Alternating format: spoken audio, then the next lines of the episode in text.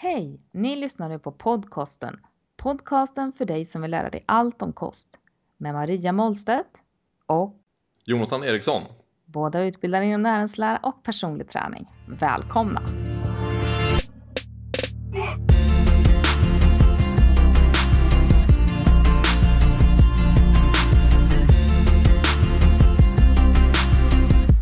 Hej Jonathan!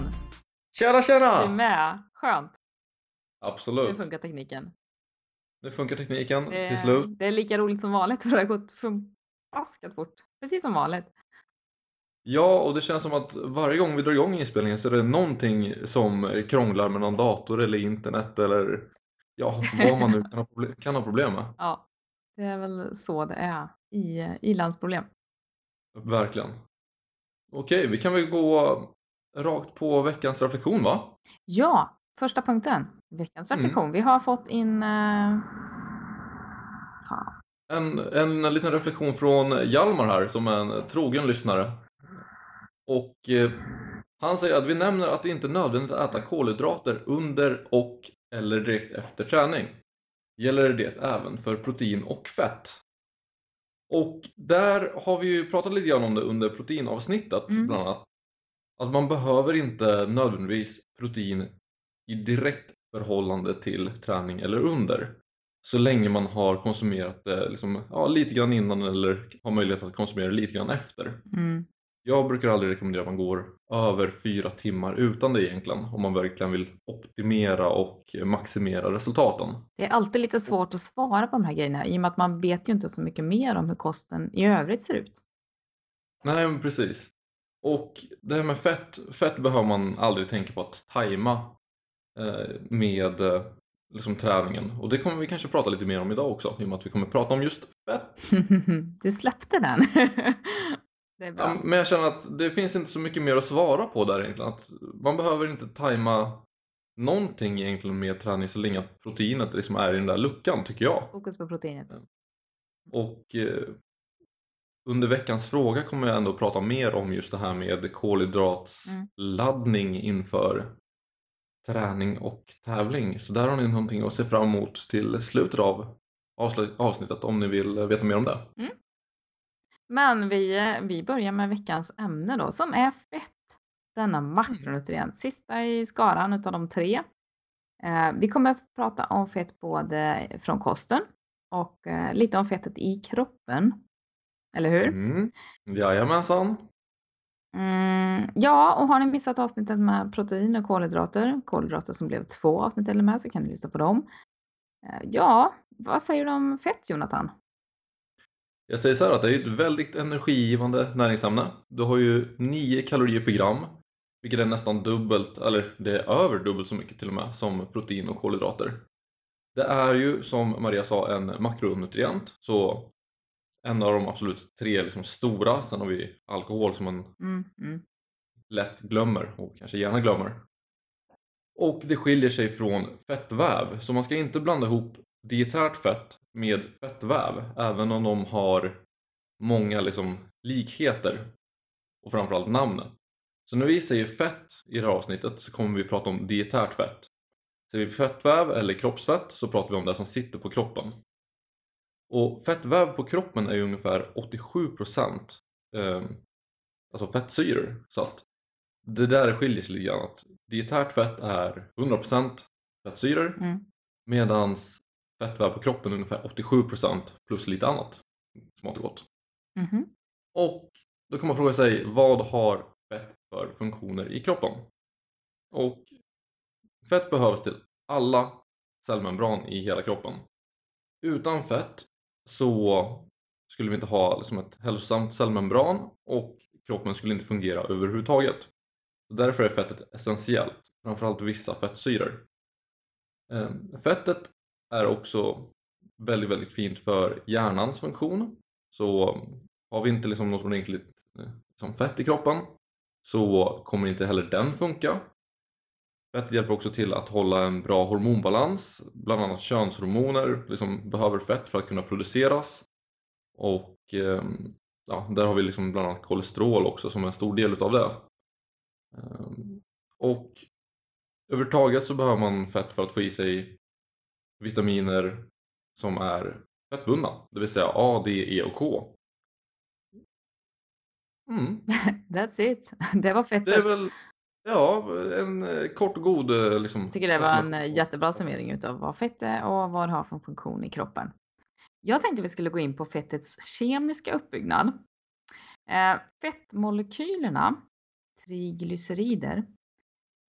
Triglycerid, det är ett ord som ni säkert har stött på om ni har läst någon rapport eller artikel, tidning eller kanske bok om fett i näringssammanhang.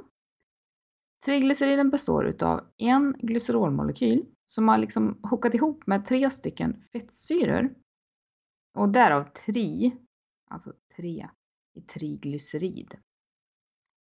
De här fettsyrorna sen, de består utav kedjor av kol och väteatomer som sitter ihop på lite olika sätt. Och när saker sitter ihop på olika sätt så får de också olika egenskaper. Eh, fettsyrorna då, de kan exempelvis vara olika långa. Eh, vi har därför fettsyror som benämns både korta, medellånga och så långa. Och de längre fettsyrorna, det är de som vi får i oss vanligen via kosten. Eh, men det förekommer även kortare och kokos är exempel på det. Mhm. Så är det. Och beroende på hur långa fettsyrorna är så blir de olika lätta att lösa i vatten. Ja, eh, fett är ju som bekant inte vattenlösligt. Men det kan ändå vara mer eller mindre lösligt faktiskt. Eh, och jag kommer återkomma till, till just denna egenskap lite senare när vi ska prata om vad som händer när vi faktiskt äter fett. Ehm, fettsyrorna de kan även ha enkel eller dubbelbindningar i sina kedjor. Och vi pratar då om att fettsyrorna har olika mättnadsgrad. Det här har ni säkert också stött på. Eh, mättat fett har enbart enkelbindningar, vilket gör det mer, eh, mer stabilt skulle man kunna säga. Och eftersom det är så stabilt så blir det också hårt, hårdare i rumstemperatur. Medan det omättade fettet, där förekommer det dubbelbindningar och då blir det mer rörligt. Eh, det blir stökigt i leden helt enkelt och därför så blir de mer flytande i rumstemperatur då. Eh, så smör är väl ett exempel där det mestadels förekommer mättat fett. Och ehm, ja, olika oljor, exempel på där det förekommer mestadels omättat fett. Mm. Så det är skillnaden där. Eh, bara för, alltså det här är en komplicerad struktur. Eh, de är omättade fettsyrorna, de indelas sedan i enkelomättade och fleromättade. Eh, och det har ni säkert också hört. Och det är utifrån om de har en eller flera dubbelbindningar. För de omättade fettsyrorna eh, kan sedan även delas in i cis och transfett. Och det där transfettet Jonathan, det ska vi ju prata lite mer om sen. Jajamensan. Varför inte det är bra och så vidare och så vidare. Men först ska vi utifrån den här strukturen nu titta på vad som händer när vi faktiskt äter fett. För det skiljer sig en del mellan när vi äter fett eh, och kolhydrater och protein. Hur både nedbrytningen funkar men även upptaget och sedan också transporten då. Eh, fett är ju som sagt normalt sett inte särskilt vattenlösligt. Ehm, och det är en av de stora skillnaderna. Eh, därför fungerar det med matsmältningen lite annorlunda. Eh, precis som i kolhydratavsnittet så pratar vi om vad som händer när vi tuggar maten. Eh, dels sker den mekaniska nedbrytningen. Eh, men eh, det sker ju även en så kallad kemisk nedbrytning. Ja, Och den sker med hjälp av olika enzym. Och när det gäller Mhm. fett så kallas det enzymet lipaser. Lipaser. Eh, lipaser de utsöndras i vårt saliv. Men nedbrytningen utav fett i just munhålan den är väldigt ineffektiv. Och när vi har tuggat en stund så sväljer vi normalt sett maten. Och i magsäcken, ja då utsöndras mer, fler lipaser. Men det var ju det där med fettet och vattenlösligheten. Eh, precis som i munhålan så är det ju en vattenbaserad miljö även i magsäcken. Och vad händer då när fett kommer i kontakt med vatten? Jo, det klumpar ihop sig och det försvårar lipasernas uppgift helt enkelt om vi ska ta det krasst. Eh, däremot, när den här geggamojan eh, från magsäcken pytsas ut i tarmkanalen så utsöndras dels lite mer lipaser. Det kommer en eh, pyts igen från bukspottet, från bukspottkörteln. Men framför allt då, skillnaden här, så utsöndras det galla från gallblåsan. Och gallan, den fungerar lite som eh, diskmedel. Och börjar liksom lösa upp de här stora fettdropparna i mindre. Och nu, helt plötsligt, så får ju lipaserna mer, de kommer åt på ett helt annat sätt. Mer arbetsyta helt enkelt. Ehm, de korta och medellånga fettsyrorna, de som inte var så där vanligt förekommande i maten, eh, de kan absorberas via tarmväggen. Precis som kolhydrater, precis som eh, protein. Men de där långa, ehm, de är helt enkelt för stora för det. Så dessa, utan att gå in på det för mycket, de packas ihop igen. Och sen så skeppas de sedan eh, via lymfan ut i blodbanan.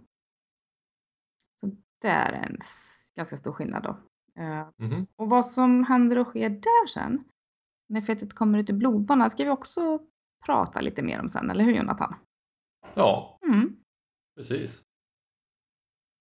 Det var, väl, eh, det var väl det, vad som händer när vi äter och hur det ser ut och varför det är som det är. Och jag tycker kroppen är ju fantastisk, den har ju ett svar på allt.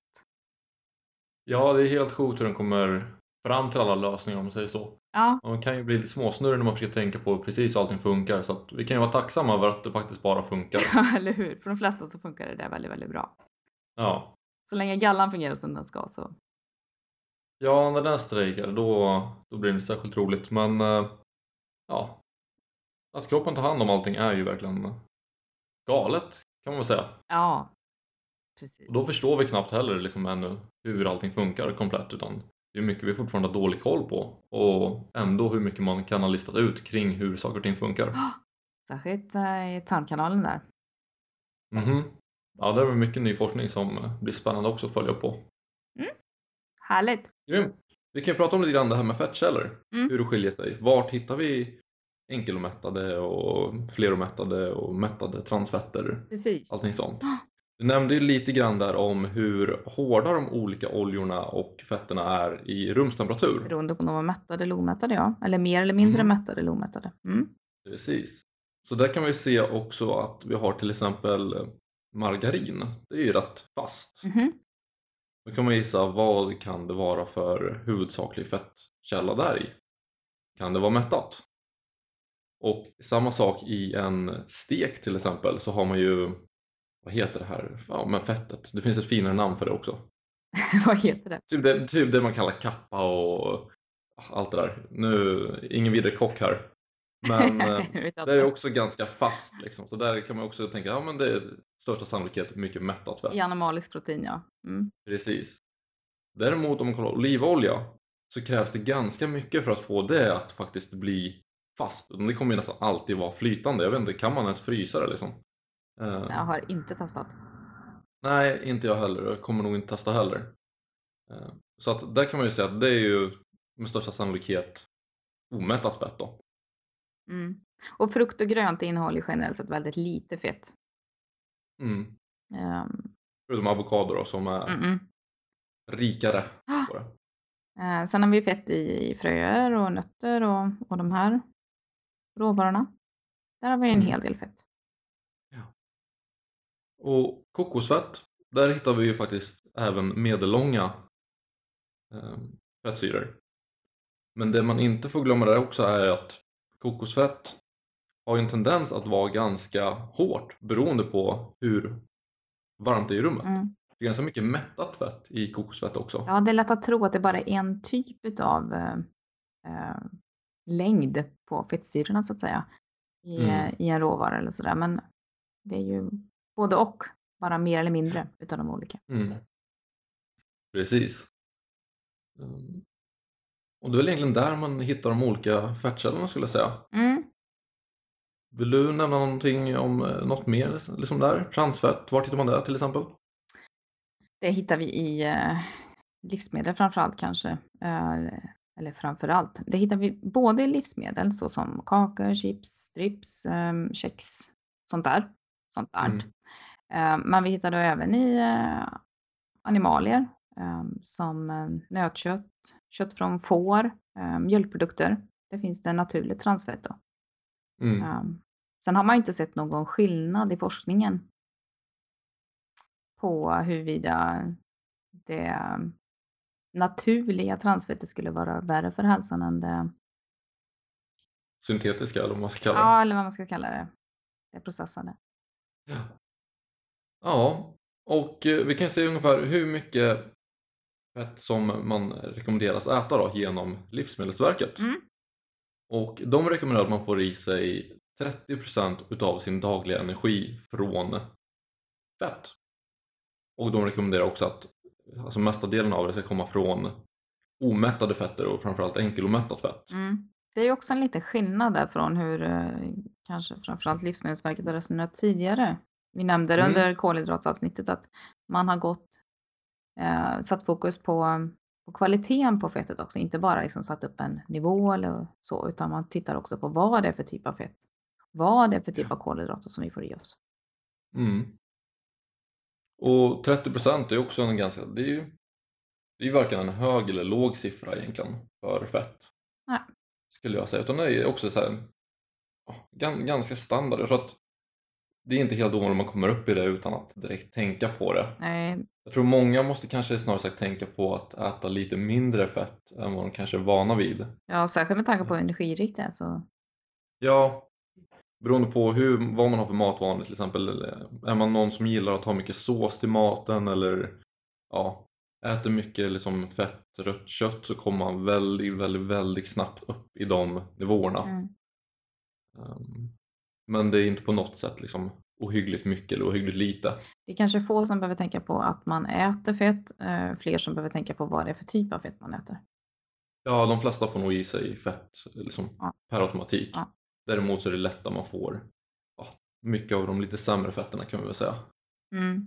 Fett får ju också, det förhöjer ju smaken på, på maten som vi lagar så att eh, Om det gör det. det, därför är det ju vanligt förekommande också. Mm. Okej, så vi har ju vissa då fettsyror som är essentiella, alltså sådana som vi måste få i oss genom kosten Mm. som vi inte kan producera själv från eh, ja, gammalt inlagrat fett om man säger så. Vilka är det? Det är ju våra omega, omega 3 och 6. Ehm, och essentiella fettsyror de är ju omättade, de har dubbelbindningar alltså. ehm, vilket gör dem mer flytande. Eh, de har medellånga kedjor och de är två stycken till antalet. Omega 3 den kan vi också läsa om och se benämnas som linolensyra. Eh, den är lite ovanligare får man väl säga i kosten. Vi, vi får i oss den genom att äta fet fisk. Rapsolja, valnötter är också en källa Mm. till eh, omega 3. Ja. Mm, sen har vi omega 6 då, eh, linolsyra, alltså snarlikt namn. Eh, den är vanligare i eh, ja, den är vanligare i våra mat helt enkelt och den, framförallt så får vi den genom vegetabiliska oljor eh, såsom raps, majs, solros. Mm. Verkligen sa raps två gånger. Raps, Ja. raps finns ju både omega 3 och eh, 6 då. Ja. Eh, Det är viktigt att få i sig båda dessa. Ehm, De har eh, funktioner på bland annat blodtryck, immunförsvar, eh, tillväxten hos foster och barn och, och sådär. Ehm, eh, Eftersom det är lättare att få i sig omega 6 så, så sätts ju också fokus på omega 3 skulle Mm. jag säga. Och det är förhållandet mellan dessa, vi behöver båda, men det är förhållandet mellan dessa som är viktigt. För att de här funktionerna ska kunna upprätthållas och inte konkurrera ut varandra. Mm. Och omega 3 är ju i alla fall för mig ett väldigt, alltså väldigt, väldigt intressant fettsyra för att det har visat sig vara så viktigt i många olika funktioner och det är ganska många rätt unika egenskaper som man kanske inte hittar i andra ja, matvaror och liksom, Mm. eh, vad ska man säga, näringsämnen. Så du käkar mycket lax eller? Ja, jag käkar faktiskt väldigt lite lax. Ja. Eh, just för att ja, jag kommer inte jättebra överens med det. Jag tycker, jag tycker det kan smaka bra men eh, jag känner mig ofta tung av det. Så jag, jag brukar få i mig mesta delen av min omega 3 som kosttillskott. Ja. Och det tycker jag är ett ganska smidig, smidigt sätt att gå. Men det finns vissa problem med det också. Mm. Men det som också är värt att tänka på med omega 3 är att får man i sig det från vegetabila källor Mm. så måste kroppen konvertera det vegetabila omega 3 till användbart omega 3 i kroppen. Det är inte lika enkelt. effektiv källa. Det är inte lika lätt för kroppen att ta upp helt enkelt. Nej, så litar du på att typ chiafrön och linfrön ska stå för Mm. hela din omega 3 konsumtion så måste du äta ungefär 10 gånger så mycket som du annars skulle få i dig genom animalisk omega 3. Ja. Så det blir ganska stora mängder. Även om det är väldigt bra att hålla sig eller få i sig snarare sagt mycket från vegetabilt för att förr eller senare så kommer i stort sett fisken ta slut om vi ska få i oss rekommenderade nivåer av omega 3. Det krävs ganska mycket liksom, ja, fisk för att få ut den omega 3 som man får. Mm. Men saker som omega 3 kan bidra till som man kanske inte annars ser att omega 3 har faktiskt visat sig vara lika effektivt som vissa antidepressiva mediciner mot depression. Mm. Det innebär självklart att du inte liksom ska ta bort eh, medicin och liksom börja självmedicinera med fiskolja. Men däremot kan det vara värt att faktiskt ta fiskolja om du känner att du har problem med depression och sånt. Och med lite tur kanske du mår bättre av det. Om inte annat Men- så säger ju sambandet att hur viktigt det är. Mhm. Alltså på riktigt. Och eh, det verkar också kunna dra ner och liksom eh, göra eh, bipoläras depressiva perioder mildare. Mm. Så det är också ganska liksom spännande hur det kan påverka på det sättet. Sen har man ju sett en koppling till ADHD också. Mm. Så ADHD hos barn tycks eh, symptomen dämpas när de får i sig bra nivåer omega 3. Det har också faktiskt att pensionärer har lättare att behålla muskelmassa när de äter högre doser utav omega 3, alltså upp mot 6 gram per dag har man kollat på. Det är inte testat ännu om det påverkar muskelmassa hos yngre och liksom icke-pensionärer. Men för någon som tränar mycket så kan det kanske vara värt att se till att man liksom får i sig bra omega-3 nivåer just för att det kanske faktiskt kan underlätta liksom byggande av muskelmassa eller i alla fall bevaring av muskelmassa. Inte bara det, om det påverkar immunsystemet så, eller immunförsvaret så kan man ju träna oftare om man kan hålla sig frisk. Ja, och samma sak att det påverkar alla blodfetter väldigt positivt också. Mm. Alltså det förbättrar goda kolesterolvärden, eh, tar och liksom ja, mildrar ut dåliga kolesterolvärden samtidigt som det drar ner lite grann på eh, triglycerider framförallt hos folk som är liksom feta. Mm. Så att det, omega-3 är bra för mycket så det kan verkligen vara värt att ta. Och gillar man inte lax eller tror sig inte gilla lax så ska man testa att köpa färsk lax. Ja, det är bra mycket godare. Det är en Fryslax, det är så tråkigt. jättestor skillnad. Det är en jättestor skillnad. Mm. De här eh, hårda bitarna i frysdisken, de kan man ju skippa. Fan, de smakar inte mycket. Eh, däremot om man tar kosttillskott också eh, med fettsyror så får man inte glömma att faktiskt ha dem i kylen. För att det är, det är ändå fett så att det kommer härskna om du har det ute i rumstemperatur för länge. Det man kan göra ibland om man är osäker på om man har liksom en gammal dålig eh, liksom omega-3 burk hemma eller något sånt. Att slå sönder en kapsel, lukta på det. Mm. Luktar det jävligt illa Mm. då är det bara släng och köp nytt. För att härsket fett är inte bra för dig även om det är bra fettsyror. Och det gäller även om du tar typ CLA eller något annat eh, liksom fettsyre kosttillskott. Ja, förvara Så- dem i kylen helt enkelt om man ska. Ja. Och konsumera inte gamla, liksom gamla produkter för att det är inte nyttigt på något vänster. Så är det. Ehm, ja, det var de essentiella fettsyrorna, de som är livsviktiga för oss då. Omega-3 och omega-6. Mm. En fokus på omega-3 då, i och med att vi får i oss den andra mer i normalt tillstånd. Ja, väldigt få kommer behöva tänka på att få i sig mer eh, omega-6. Mm. De flesta får i sig ganska, ganska naturligt. Liksom, Mm. så att, eh, ja, men då har vi the bad boys av fettvärlden då. Då har vi transfettsyrorna. Eh, och som vi pratade om tidigare så finns det ju både naturliga, nötkött, fårkött, eh, mjölkprodukter eh, och de industriella. Mm. Mm. Ja, och varför håller man på och, och tjoffar i transfettsyror i, eh, i kakor och chips och såna här saker då? Det har ju med egenskaperna att göra givetvis då. De blir sprödare. Hållbarheten ökar. Um, ja. Det är väl därför man håller på och... Vad sa du? Ja, de smakar väl ganska bra också. Alltså transfett är ganska Ja. aptitligt. Ja, det kan jag tänka mig. Vilket är eh, otur i och med att det är rätt kast för den. Sen ska vi säga det att transfettet i eh, det industriellt framställda transfettet fettet som vi får i oss i chips och kakor och vad det nu är. ehm, det har ju minskat de nivåerna eh, under de senaste åren. Så det är inte alls Mm. lika mycket som det var tidigare. Eh, och jag skulle tro att vi har Danmark lite grann och eh, tacka för det. Eh, de införde någon sån här lägsta nivå och sen så var ju de svenska tillverkarna helt enkelt tvungna att anpassa sig. Om de ville fortsätta leverera till Danmark. Mm. Och man kan se på mycket, framförallt vet jag, chips som ofta är ganska tidiga numera med att skylta med att de använder annat fett. Liksom att ja, det är inte transfetter längre utan de, man kan ofta se på förpackningen Mm. att alltså, ja, men vi har det här och det här fettet.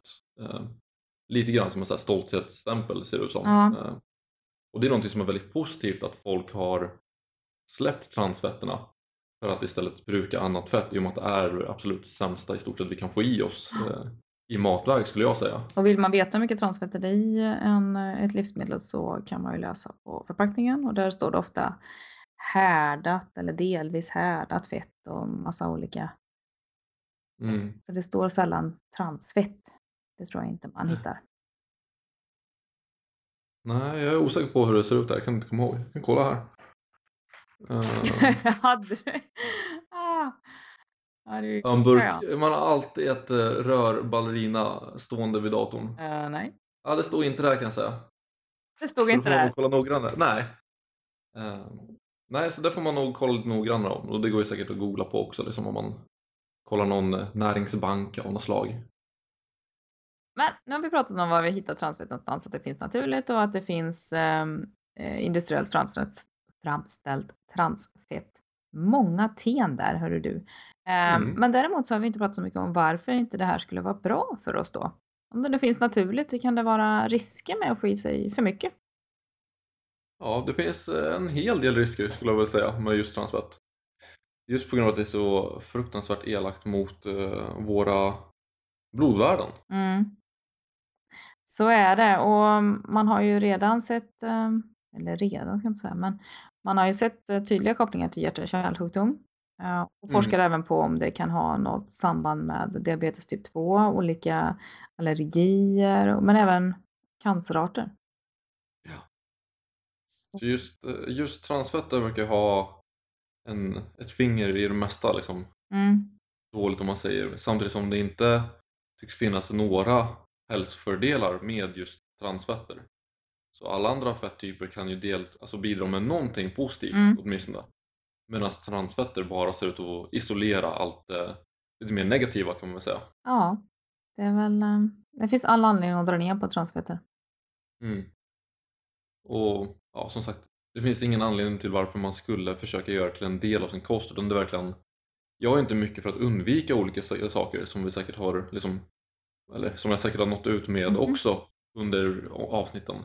Däremot transfetter, det är bara att stryka av listan direkt. För det finns ingen som helst eh, liksom, mening med det. Det är bara, bara evil, pure evil.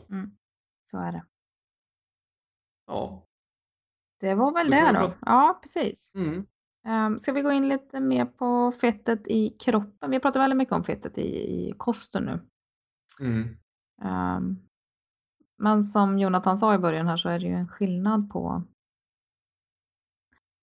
på de här depåerna som vi har och det vi äter. Det är inte samma sak. Nej, precis. Eh, Vill du gå in i eh, självaste fettväven och vart vi hittar det? Ja, vi lagrar ju fett. Så är det. Och vi kan lagra det under huden. Ja, Då kallas det subkutant fett. Vi kan även lagra fett eh, intramuskulärt. i våra muskler. Alltså vi kan lagra fettet runt våra inre organ, alltså vanligen runt buken då, eller i buken. Ja. Mm, Ölmage. Mhm. precis. Ehm, och ehm, ur en hälsoaspekt så är det ju, om man ska ha eh, lite mer fett på kroppen, vilket vi ska, så ska det ju helst inte vara runt våra organ då. Nej. Nej, så både runt organ och i muskler har ju fått kopplingar till att det är ganska negativt för Mm. vår hälsa. Mm. Och eh, där är också ganska intressant hur faktiskt bränner fett i musklerna effektivt. Om man har mycket fett så brukar ofta, om man tränar hårt och mycket, så är det ofta där det liksom bränns först verkar det som. Mm. Det är ganska ballt. Ehm, Man har ett förstahandsval där. Ja, så kroppen, om man rör på sig mycket så verkar det liksom försvinna ur musklerna ganska tidigt. Och annars så lagras ju fett då som ja, triglycerider i vår fettväv. Mm. Och eh, alltså det fettet som sitter på kroppen, det är inte bara det att det liksom isolerar oss från eh, kyla, värme och... Skyddar och... Nej, precis. Ja, så det har ju vissa funktioner så. Men det är inte så att det bara sitter där som helt onödigt liksom... ja, Vad ska man säga? Folk, folk ser ofta inte på fettet som någonting eh, som har en funktion. Nej. Men det som många missar är ju att fettet är ett väldigt stort eh, endokrint organ. Mm. Så det påverkar ju faktiskt våra hormoner väldigt, väldigt mycket. Mättnadshormon till exempel har ju en väldigt, väldigt stark koppling till fettet. Och fett, ja då fettväv. Och fettväv påverkar också vår könshormon. Så att det är någonting som kan påverka oss på ganska många olika sätt. Och eh, där är det liksom en hel djungel med precis hur det påverkar oss. Där man har forskat på det ett tag. Man kan absolut inte allting om hur just fettväv fungerar som endokrint organ. Däremot kan det verkligen förvärra eh, mycket grejer som har med liksom hur man reagerar på hunger, mättnad, eh, Mm. hur liksom insulin, hur effektivt det kan arbeta och inte. Vi mår ju som bäst när vi har lagom mycket fett på kroppen. Eh, Ja, Inte för lite och inte för mycket. nej, så att eh, där så får man gärna se till liksom att man håller sig på en bra nivå. Mm. Det är ganska intressant också när man ska ta bort så kallat fett från fettväv. För då fris, alltså kroppen frisätter fettsyror från fettväv och deras triglycerider genom att separera fettkedjor från glycerolet. Då har man alltså, blir det? Tre fettsyror per glycerol. Precis, triglycerider. sense, right? ja, Ja. Eh, och eh, när då fettsyrorna är frigjorda från glycerolet så kan ju de faktiskt eh, transporteras i blodet. Mm. Så när det börjar från fettväv så liksom sitter det fast om man säger så. Och sen frigörs fettsyrorna så det kan åka i blodet och liksom ta sig till andra ställen om du vill. Och där kan det också oxideras. Så där kan man liksom förbränna fettet. När det väl är i blodet så går det att förbränna det. Och då förbränner man det i cellerna. Så det liksom bryts ner till mindre och mindre beståndsdelar så det kan användas i cellerna som energi. Eh, Och det där är ju en extrem simplifier- simplificering verkligen. Eh, För att hela den processen är lång och krånglig. Ingenting vi kommer gå igenom här. Men vi kommer ju faktiskt att lyfta fettförbränningen i nästa avsnitt. Eller hur? Mhm. Så att då kommer vi ju beröra det där. Precis, Ja. så då kommer vi in lite mer på det. Ehm, Och någonting som jag tycker är viktigt att man kommer ihåg är att det är inte allt fett som frigörs från fettväven som kommer oxideras utan 75% av allting som frigörs från fettväv kommer att gå in i triglyceridform igen i fettväven. Så liksom den åker runt i kroppen ganska friskt så vi har hela tiden en förflyttning av fettsyror. Mm.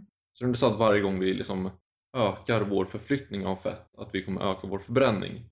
För det är ett argument som ofta man läser om kring olika liksom dieter och upplägg som folk lätt tar fel på. De tror att kan man liksom öka förflyttningen så kan man öka förbränningen men det är inte sant. Riktigt så enkelt var det inte. Nej. Nej. Eh, det man kan säga om eh, det här eh, bukfettman då, eller fett, fettdepåerna som vi har runt organen i buken, det är att det är lite mer rörligt. Mm. än det som sitter under huden. Ja. Så med lite tur ska man bränna bort det lite innan resten? Ja, det är lite lättare att bli av med. Och det kan väl vara glädjande då. Um, Det är Ja. inte runt organen vi vill ha det där fettet. Nej, runt organen är inget bra. Inget bra ställe. Nej. Nej. Nej. Mm, Ja. Det var väl uh, fettdepåerna i kroppen och, och som sagt så kommer vi att ta hela nästa avsnitt till uh, fettförbränning. Mm. Så då går vi in lite djupare på det. Nu täckte vi det ganska, ganska basic kan vi säga. Ja, det får vi nog säga. Eh, sen har vi ju, det finns ju fördelar och nackdelar. Du och jag brukar resonera kring hur vi lägger upp dieter och såna här saker. Och hur vi Mm. själva förhåller oss till fett eh, som, Ja. eh, som livsmedel som råvara. Mm. Eh, ja, vad finns det för fördelar? Det är väl det vi har varit inne på en del. Eh, det har ju viktiga funktioner. Det finns nackdelar också. Eh, Mm. beroende på vilka fettkällor vi väljer. Mm. Mm, det är viktigt med variation skulle jag väl vilja slå ett slag för. Att man varierar sina, ja, förutom transfettsyrorna då möjligtvis, men de andra. Absolut. Ehm, Det, fin- det finns ju mycket bra att få i sig genom fett. Och eh, ja, inte minst det här med att det kan innehålla olika sorters liksom, vitaminer, A, D och K, Nej. som vi inte får i oss på annat sätt. De är ju alla liksom jätteviktiga för oss. Och eh, sen så har ju alla liksom olika effekt också på just våra blodfetter och så. Så att det är bra att få i sig en, liksom, ja, en ganska bred variation av dem. Och även om kolesterol länge har haft ett väldigt, eh, vad ska man säga, att det har haft ett dåligt rykte så får man inte heller glömma att kolesterol är också livsnödvändigt för oss. Vårt blodfett ja. Ja, för att till exempel annars skulle vi ha jättesvårt att producera könshormon och könshormon eh, står för ganska mycket bra i vår kropp. Ehm, så att man måste få i sig en eh, rimlig mängd och de flesta presterar också bättre om man får i sig en hygglig mängd fett. Går man under 10% så är det sällan folk som mår särskilt bra. Ehm, men man ska ju inte heller liksom äta för mycket av det för att det är ändå lättare att omvandla till kroppsfett än mycket annat. Mm. Och framförallt så är det väldigt svårt att räkna på. Om man försöker kontrollera en diet så är det lättare att liksom nå en felaktig dags, eh, felaktigt dagsmål utav kalorier om fett är en stor del utav kosten. Just för att om du räknar fel på 5 gram så blir det så mycket mer kalorier än om du räknar fel på 5 gram av protein eller kolhydrater. Mm. Så. Däremot så är det ju väldigt mättande. Mm. Den upplevda mättnaden utav att äta fet mat är ju Mm. hög så att då det resulterar att man kanske äter mindre då. Ja. Där är det dock ett problem att vissa vänjer sig väldigt mycket med att äta väldigt fet mat. Mm. Så de slutar uppleva den liksom ökade mättnad som många kanske gör. Man kan se det här på folk som till exempel går på LCHF att ofta så har ju de ett underskott på ungefär 1000-800 kalorier rent spontant när de börjar kosten och dieten. Efter ett tag tycks däremot mångas eh, liksom vana kring just hur maten ser ut, känns, smakar och allting sånt Mm. göra att de börjar konsumera mer och mer och mer utav det just för att det blir en vanesak, det är inte liksom nytt och främmande för kroppen längre så man kommer upp i en balans ändå. Det finns en del komplikationer med eh, en diet som LCHF givetvis. Men eh, Mm. vi får väl släppa den i mättnad idag. Ja, så att eh, just det som jag tycker man bör vara medveten om är just att det är lätt att räkna fel och liksom överskjuta på en fettrik kost om man liksom går över jag brukar sällan gå över liksom 35% hos klienter när det kommer till rekommendationer. Nej. Och eh, det är också någonting som jag märker att många gör fel på i kaloriräkningen, att de glömmer liksom, om de äter fett, relativt fettrik kost så kan vissa uppleva att de bara, ah, men jag äter bara 1500 kalorier idag. Mm. Medan målet kanske ligger på 2200 för den personen och de säger, ja jag går ändå inte ner i vikt, jag vet inte vad det är som händer.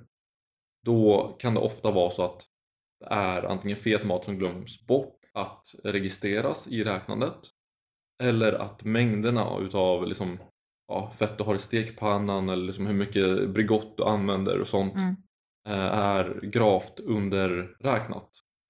Så det liksom blir fel där. Samtidigt får man väl säga att feta har ju fått lite skäll, alltså framförallt kanske på 80-90-talet där, då skulle allting vara light och ehm, ja, det var farligt att äta fett. Eh, så då ersatte man ju det här med socker då, så att det fortfarande skulle behålla smaken och vi skulle fortsätta att köpa det här då. Ehm, Mm. Men jag kan säga i mina rekommendationer så, så förespråkar jag ju hellre fullfeta produkter, um, tänker smör, Mm. än de här light-varianterna, eh, margarin eller bordsmargarin och lätt yoghurt och så vidare. Hellre en fullfet yoghurt eller vad det nu kan vara då. Mm. För, min, för min del så, alltså, så mycket av mina råd går just på liksom balansen över dagen. Sen om folk får i sig ja, lätt, lätta eller fullvärdiga tycker inte jag spelar så mycket roll så länge man får det att stämma.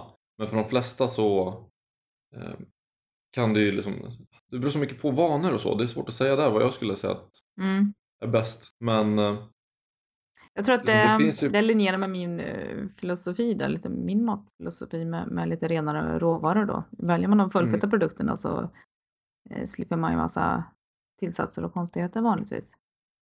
mm. Ja, där, Så eh, hellre ta lite mindre då.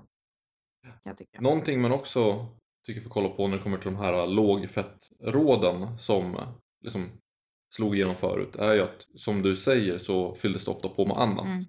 Så det sjuka är att om du jämför många liksom förpackningar vart det står så här, ja, men här har vi till exempel lågfett popcorn mot vanliga popcorn Ja, så är skillnaden i kalorier ofta extremt liten. finns det? Ja, ja, det finns.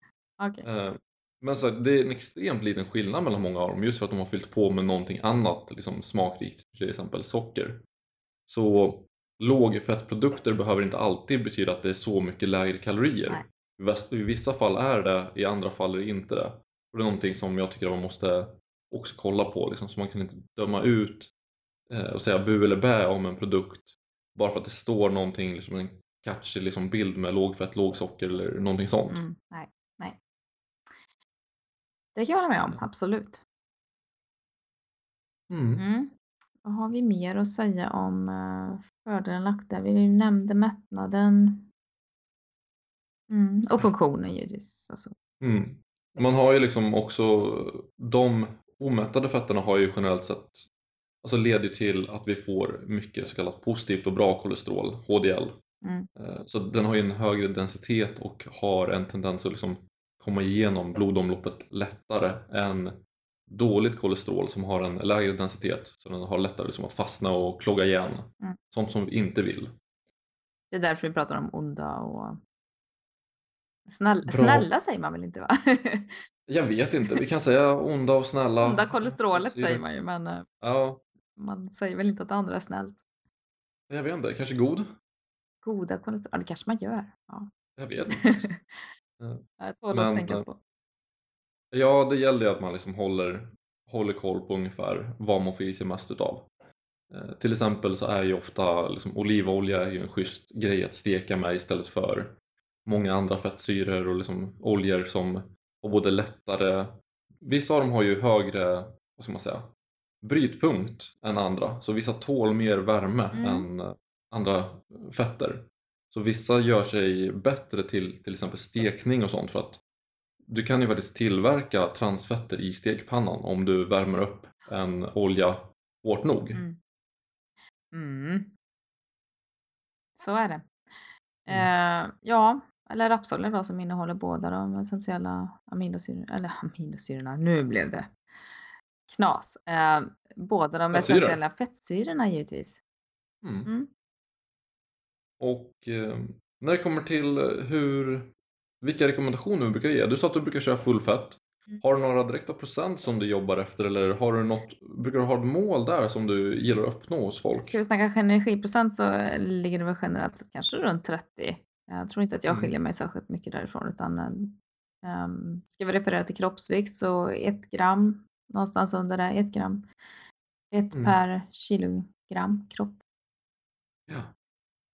Ehm, Så jag säger att man får i sig fett, absolut. Sen så varierar Mm. väl råvarorna. Det kan vara nötter, det kan vara frön, det kan vara oljor, det kan vara eh, fullfeta produkter, mejeriprodukter. Har ju förkärlek för den ohomogeniserade mjölken exempelvis. Så, Mm. om man nu vill ha det. Mm. Ja, mina rekommendationer eh, kan vara ganska breda. Jag har ett gäng klienter som helt seriöst ligger på 6 gram fett om dagen, vilket är extremt lågt. Det är jättelågt. Det är jätte, jätte, jätte, jätte lågt. Ja. Och då är alla de grammen från omega 3. Ja, okej. Och det är ju under extremt liksom, unika förhållanden som det är så lågt. Det är liksom väldigt, väldigt sällan som Ja, det, jag tar ner dem så lågt. det måste det ju verkligen vara. Ja. Men det, det funkar bra liksom i perioder. Och eh, liksom, annars är de flesta kommer upp i ungefär 30, vissa kommer upp i 35 gram fett.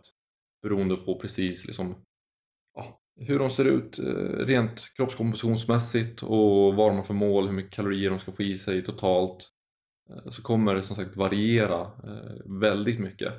De flesta ligger runt 15 till 35 för min del. Ehm, och som sagt, jag tror vi nämnde det sista också att jag i alla fall rekommenderar alltid, som jag går på kalorier, protein, sen fett och sen kolhydrater. Mm. Så att fettet är ändå en viktigare del i ekvationen enligt mig än vad kolhydrater ofta är. Mm. Det är någonting som prioriteras innan. Men sen är det ju så att man får ju utgå ifrån eh, från individen och så vidare. Jag har ju lagt upp eh, liknande LCHF-vridningar också. Om det är Mm. någon som har önskat det. Fast på mitt sätt då, givetvis. Ja. Ja, så det går ju liksom att dra nytta av många olika metoder. Så länge man vet liksom hur de olika sakerna påverkar kroppen och vad man kan förvänta sig utav. Liksom, så länge man vet, vet, ja, vet med riskerna kring att göra vissa saker. Mm. ehm, så kan man ju liksom, ja, vad ska man säga? Man kan fibbla med näring på ett ganska intressant sätt liksom. Absolut. Och tweaka fram ganska intressanta effekter utav det. Men det gäller också om man är medveten att liksom man inte ja, chansar sig fram eller tänker så, ja men jag hörde någonting om det här och så kanske jag testar det. Mm. Utan det är liksom, jag skulle råda alla att om ni ska testa någonting som är mer extremt så läs på och läs på mycket. Ehm, Och läs från olika källor. Ja, kanske inte liksom mercola.com liksom och sen testa en tarmsköljning med typ kelp eller något sånt utan eh, eller konjava, det är så här silver som folk, ja för fan, det är så mycket tokigt. Men eh, ja, det är väl ungefär så. Någonstans där. Där Ja. ja. summerar vi väl veckans ämne ganska så bra tror jag. Jag tror det. Eh, en liten lagom rant också. Ja, Ja, Liten utsvävning. ja. Okej, då börjar vi från eh, Veckans fråga. Ja, så Tommy har frågat här om eh, man kan dra nytta av kolhydratsuppladdning inför en match. Då pratar han om fotboll. Och eh, även om jag gav ett eh, litet svar där i chatten så tänkte jag att vi kan gå in lite djupare på det och dela med oss av det här på podden också. Absolut. Jag tror det är många som funderar på det här. Ja, Ja, och eh, jag kan säga att kolhydratsuppladdning, även om det var väldigt stort förut, så är det någonting som man börjar backa mer och mer ifrån. För att förr trodde man att alla typ kunde dra nytta av det och nu ser det ut som det skapar kanske mer problem än någonting annat. Kolhydratsuppladdning är någonting som ofta är ganska besvärligt för liksom, tarm och mage så att eh, det är inget bra liksom, om du ska ut och prestera och sen känner du att du har typ magknip eller liksom är lös i kistan. Det kommer inte bidra till så mycket bra. Och de flesta som liksom, ja, men spelar fotboll eller någon sorts eh, sport överhuvudtaget kommer ju inte röra på sig konstant. Och eh, om man däremot ska röra på sig konstant i över två timmar, det vill säga att om man springer längre lopp eller någonting och även håller hög intensitet i det, så kan man dra nytta av en viss kolhydratsbeladdning. Då kanske man kan liksom försöka få i sig ungefär 60 gram kolhydrater innan passet, men ungefär det. Du behöver inte kolhydratladda i fyra dygn eller någonting sånt. Ja, man bör ju testa det innan i så fall så att inte magen rasar. Ja. Eh, När jag pratade med ett av Australiens eh, största, liksom, en, av, en av Australiens största fotbolls och rugby, rugbycoacher då, så pratade han om hur de förberedde inför internationella matcher och även liksom matcher nationella. och de var på en väldigt hög nivå men de kolhydratladdade aldrig.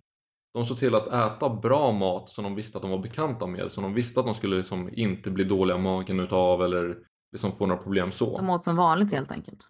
De åt som vanligt. Så vad de såg till att göra utomlands var att de tog in mat som spelarna visste att de liksom kom överens med. Eh, så att någon kanske ville ha pasta och köttfärssås, någon annan kanske ville ha potatisbullar, vad vet jag. Och sen såg de till att det fanns som, så att spelarna skulle kunna känna sig bekväma och veta att deras mage inte skulle liksom kollapsa under matchen utan de skulle vara i en bra, bra zon och en bra fokus genom att veta att allting skulle bara funka. Mm. Så en liten hype där, eller tidigare hype med kolhydratladdning. Jag får väl även Mm. säga det att eh, lägg större fokus på vad man äter varje dag. Alltså så att man håller sig pigg och fräsch, man dras inte med massa sega förkylningar över hela vinter, vår och sommarhalvåret utan man kan träna på. Mm. Eh, så ser den eh, the big picture istället. Ja, att få i sig bra nivåer av kolhydrater, fett, protein Alltid. kommer delta, alltså det kommer bidra med så mycket mer till din återhämtning och liksom hur du adapterar till den träning du gör i veckorna. Du kommer få ett bättre resultat i längden istället för att försöka liksom pika och maxa ett tillfälle. Verkligen försöka att bygga på det. Och så äta skräp resten av, eh, av året. Det, Ja, det håller inte riktigt. nej, det kommer inte löna sig om man är ute efter prestationer. Nej. Det är väl fler och fler Ja. som kommer, kommer underfund med det också. Får vi säga. Mm. Ja, men det finns väl fortfarande mycket att göra. Ja, jag tror att många inom eh, idrott överhuvudtaget inte riktigt eh, lägger den fokusen på kost som de skulle kunna dra nytta av. Nej. Det är någonting som är bra mycket vanligare inom eh, liksom, styrketräning och bodybuilding och Mm. folk som jobbar med kroppen direkt så. Däremot är det någonting som jag vet ofta kommer i liksom, eftertanke hos många idrottare även på högre nivåer. Mm. Äh, vi är ju i Vasaloppsveckan här nu så det är säkert många som funderar på det här med kolhydratsladdning eller inte. Mm. Ehm, och som du nämnde under kortare insatser så finns det absolut ingen eh, idé att ens fundera på det utan det är bättre att fokusera på, på bra mat som man är van vid. Ja. Eh, Jag hade en eh, tidigare kollega faktiskt. Hon sprang inte bara maratonlopp. Nej, det var ju lite, var lite fjantigt. Hon sprang ju 24 timmar, alltså 48 timmar. Hon gör den idag på världsnivå. Så hon eh, reser runt och springer. Hon eh, höll aldrig på med något sånt där kolhydratsladdning. Och då pratar vi ändå om en kropp som är igång. Konstant rörelse under väldigt extrema förhållanden. Utan hon pytsade i lite kolhydrater under tiden. Hon hade, ehm, hon hade favoriter. Jag tror att hon nämnde bland annat att hon ville ha såna här våffelhjärta med lite sylt på såna här knasiga saker. Det funkar för henne liksom. Så det, det sprang hon och, och pytsade i sig och fick hjälp med av de här som rörde sig runt banan. Så det måste vara en så sjukt intressant syn att se någon springa runt helt ursinnigt trött och käka våffelhjärtan med sylt. ja, men alltså härligt. Extremt svenskt också känns det som. Just det här våfflor. Ja, fan det, det är trevligt. Hon var inte helt svensk heller. Alltså hon är ju svensk medborgare nu, det tror jag, Ja. men eh, hon kommer från Norge. Ja, okej. jag vet inte om det med saken att göra, men Nej, jag vet inte om de kanske människa i alla fall. har mer eller mindre kärlek till våfflor. Ja, hon kommer att fortsätta att knapra in rekord och hon kolhydratas, kolhydratsladdar Ja, okej. aldrig. Så att, eh, mm. Jag ser. Bra, bra anekdot där också. Eh, ja, det är väl... eh, Det var väl svar? Eller? Det tycker jag absolut. På, på så många nivåer. Annars får du hojta igen eh, Tommy. Ja, grymt. Och tack så mycket för frågan. Eh, Ja. Superkul när ni frågar. För att det, det, jag tycker det bidrar till en väldigt trevlig del av vår lilla podcast och just få med er. Och förra veckan var det jättetrevligt med mycket liksom, diskussioner och frågor och kommentarer på just eh, Facebook-pagen. Så att, eh, superkul när det hålls upp, verkligen. Mm. Kommentera inläggen eller avsnitten och eh, lämna frågor och, och reflektioner. Det Mm. hjälper oss att bli, bli än mer bättre och inför kommande val av ämnen.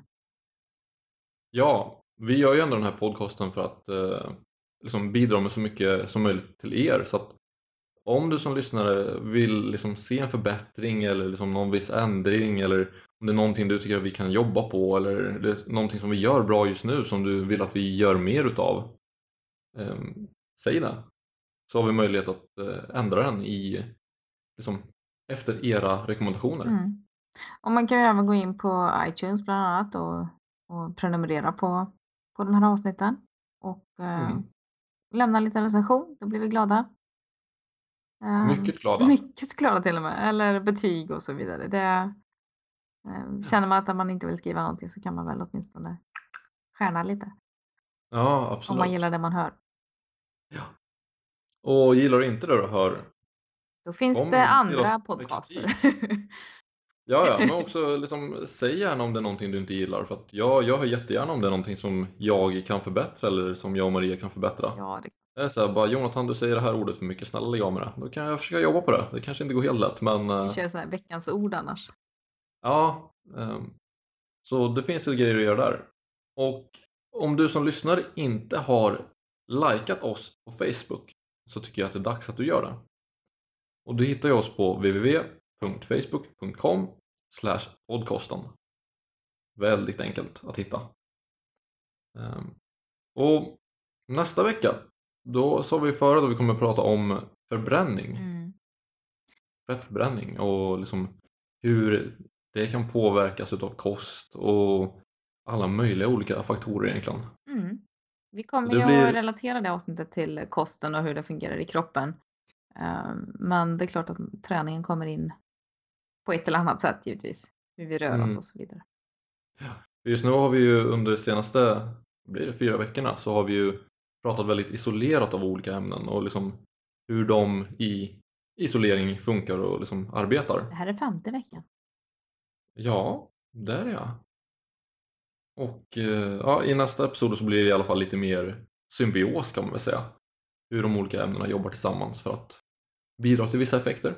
Det känns som att vi har lyft eh, det grundläggande här nu så nu kan vi bara eh, latcha vidare in i och roa oss helt enkelt med olika vinklingar och Ja, det, det ska faktiskt bli grymt kul för att det här, även om det är väldigt intressant så är det ju lite mer inramat man ska säga. Vad man ska säga.